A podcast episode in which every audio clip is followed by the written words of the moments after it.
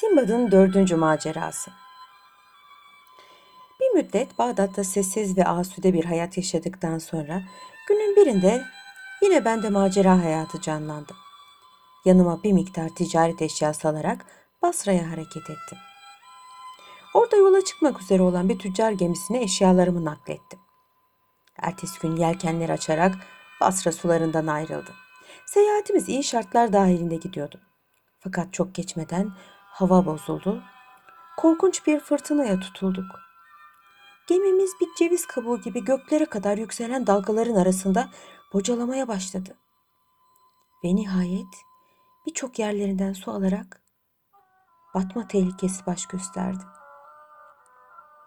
Gemidekiler denize atlamaktan başka çare bulamadılar. Gemi yavaş yavaş suların içine gömülürken ben elime geçirdiğim büyük bir tahtanın üzerinde adeta ölümle mücadele ediyordum. Benim vaziyetimde birkaç tüccar ve denizci arkadaş da vardı. Üç gün, üç gece suların üzerinde kaldıktan sonra nihayet bir adanın kıyısına geldik. Çok yorgun ve bitkin olduğumuz için güçlükle karaya çıkabildik. Bir taraftan ölümden kurtulduğumuza şükrediyor, bir taraftan da bu adada karşılaşacağımız bir tehlikenin mevcut olup olmadığını düşünüyorduk. Şehrazat bu meraklı hikayesini burada kesmek zorunda kaldı. Çünkü artık sabah olmuştu. Hükümdarın isteği üzerine de ertesi gece sözlerine şöyle devam etti. 564. gece Adada bol meyve, muz, Hindistan cevizi ağaçları vardı.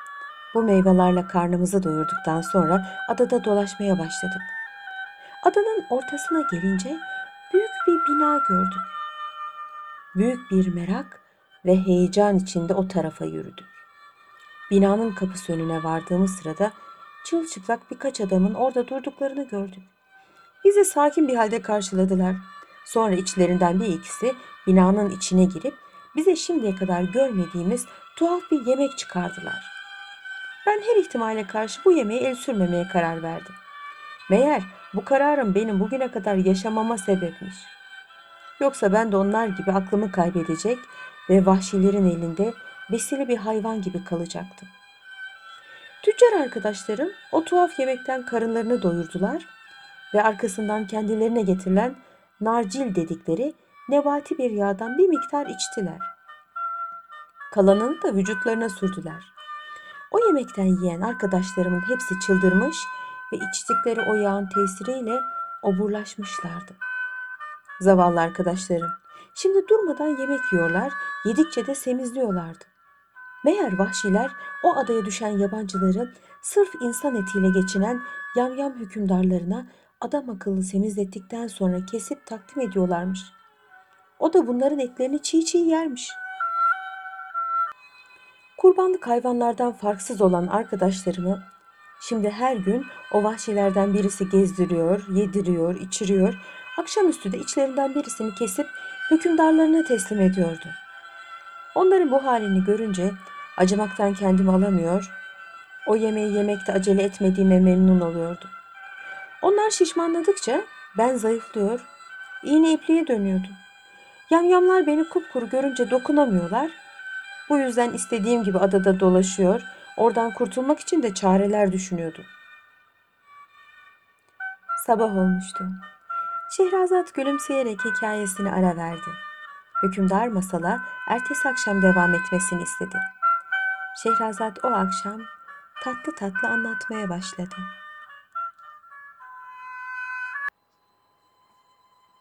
...565. Gece Nihayet bir gün ne olursa olsun oradan ayrılıp yola çıkmaya ve hiç geri dönmemeye karar verdim. Sabah erkenden yola koyuldum. Bir gün bir gece dinlenmeksizin yürüdüm. Nihayet bir yerde mola vererek yolda topladığım meyvelerden karnımı doyurdum ve birkaç saat uyku kestirdikten sonra yoluma devam ettim. Yedi gün yedi gece süren meşakkatli bir yolculuktan sonra uzaktan bir takım gölgeler gördüm. Her ihtimale karşı onlara görünmeden o tarafa yaklaştım.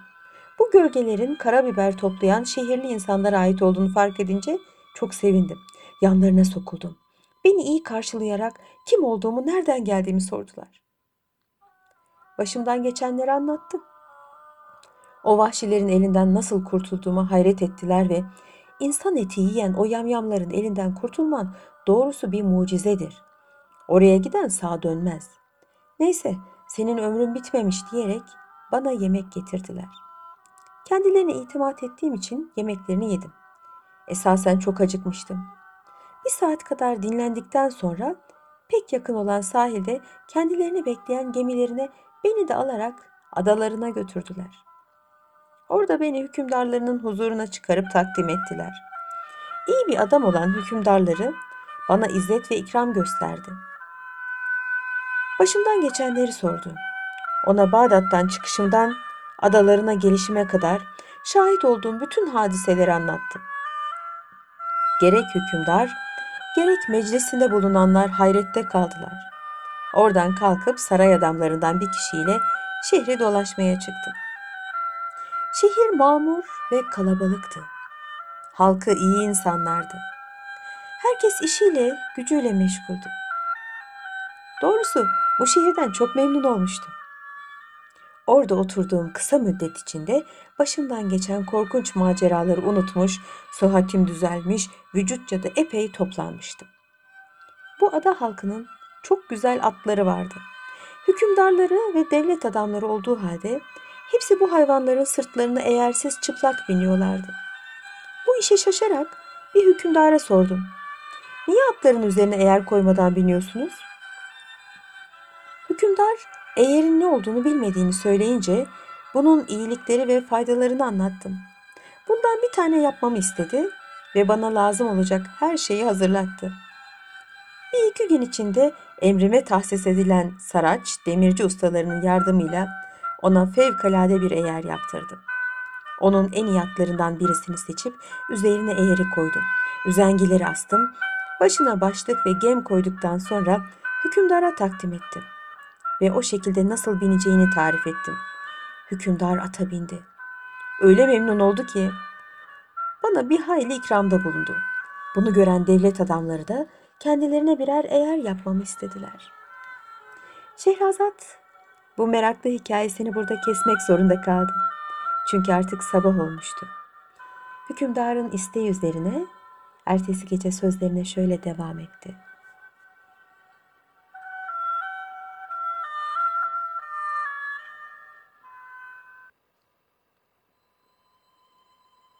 ...566. Gece Bunun üzerine bu işten istifade etmeyi düşündüm.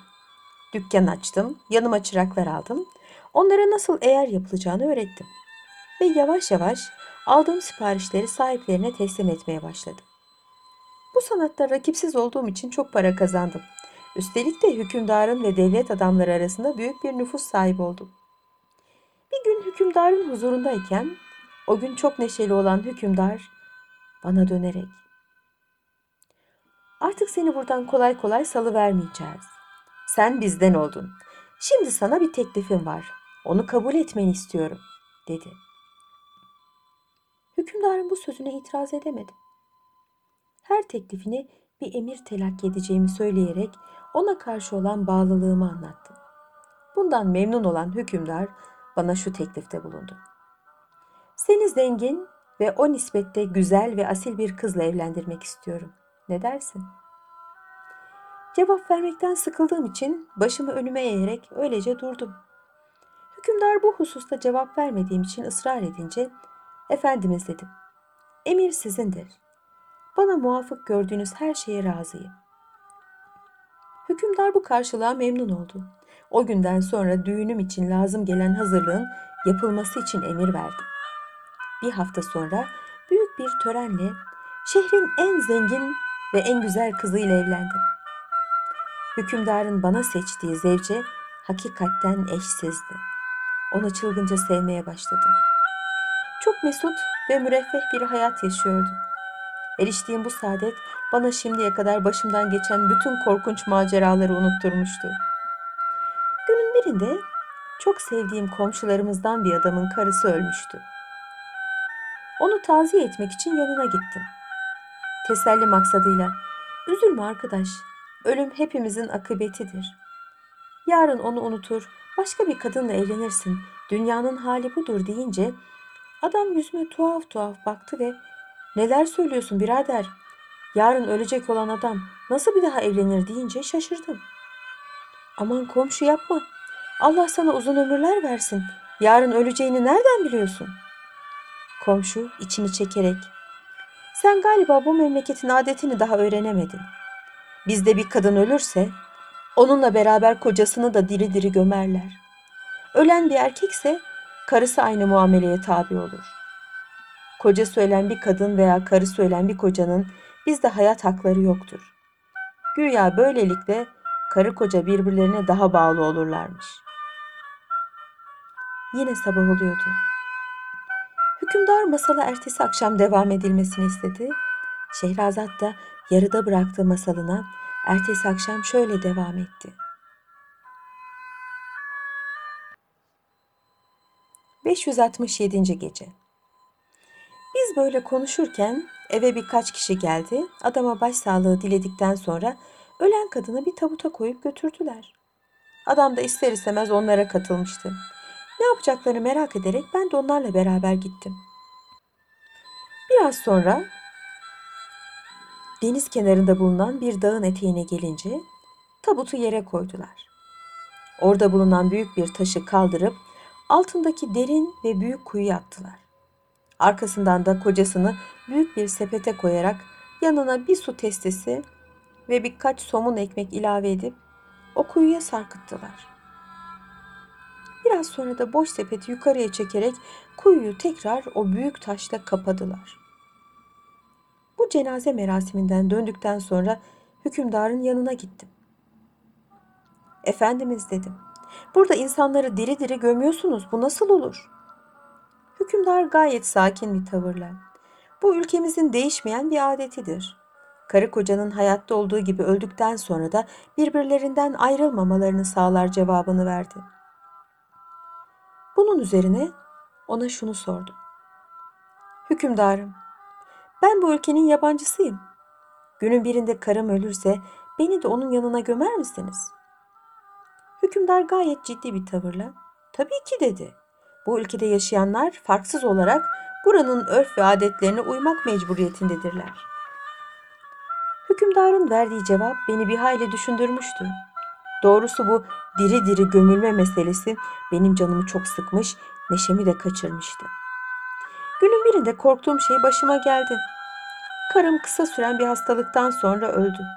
Bunu haber alan komşularımız baş sağlığına geldiler. Kadınlardan bir kısmı karıma sağken giydiği en iyi elbisesini giydirdiler. Bütün ziynet eşyalarını, bileziklerini, küpelerini, yüzüklerini bir düğüne gidecekmiş gibi taktırdılar. Sonra onu bir tabuta koydular. Beni de yanlarına alarak o şehrin mezarı vazifesini gören o büyük ve derin kuyunun başına götürdüler. Karımın tabutunu aşağıya attılar.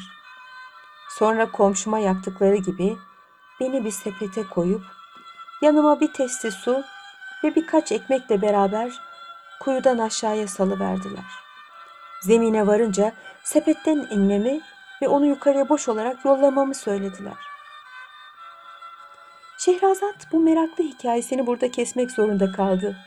Çünkü artık sabah olmuştu. Hükümdarın isteği üzerine ertesi gece sözlerine şöyle devam etti.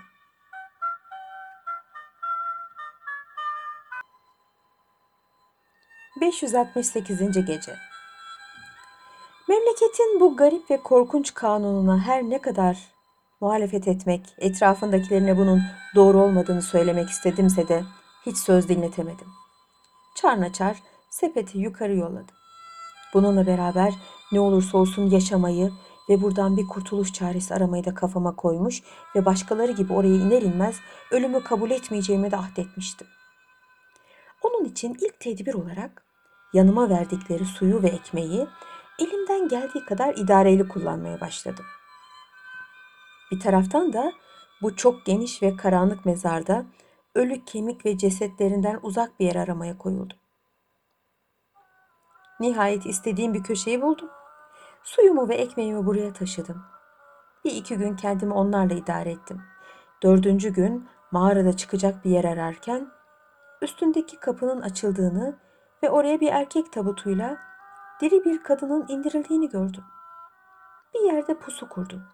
Kendi kendime bu kadın nasıl olsa ölecek.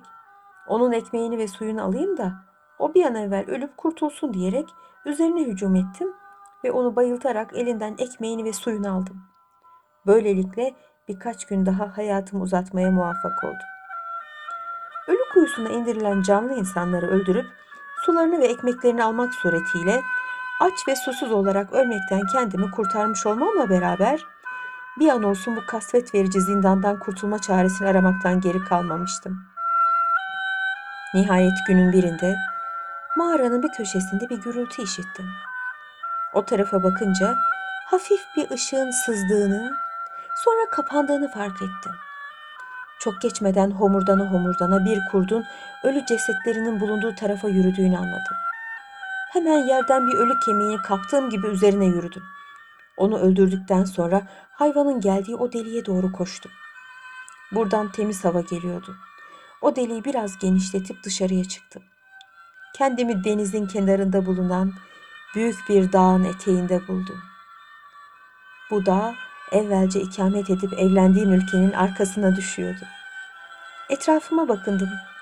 Ne su ne ağaç vardı. Temiz hava ve deniz manzarasından başka hiçbir şey yoktu. Sabah olmuştu. Şehrazat gülümseyerek hikayesine ara verdi. Hükümdar masalı ertesi akşam devam etmesini istedi. Şehrazat da o akşam anlatmaya başladı.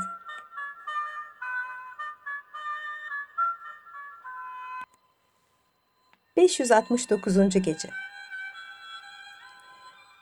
işleri bitirdikten sonra... ...oradan geçecek bir gemi kollamaya başladı.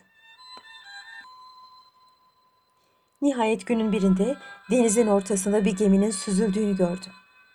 Mağarada bulduğum beyaz elbiselerden birini bir değneğe bağlayarak ona işaret verdim. Bu işaretimi görünce kaptan gemisinin rotasını bulunduğum tarafa çevirdi. Sahile uzak bir yerde demir atarak kayık indirdi. Gemi tayfası Basralıydı. Beni ve yanımdaki altınları, mücevheratı gemilerine taşıyarak bana büyük yardımda bulundular. Ben de onlara ve gemi kaptanına getirdiğim altın ve mücevherattan bir miktar verdim. Çok memnun oldular. Rahat bir yolculuktan sonra Basra'ya vardım. Oradan Bağdat'a döndüm. Getirdiğim büyük servetin mühim bir kısmını fakirlere, yetimlere ve hayır işlerine dağıttım. Kalanını da müreffeh ve mesut bir hayat sürerek yaşamaya harcadım. Simbat burada macerasını anlatıp bitirdikten sonra davetlileriyle adeti gibi yemek yedi.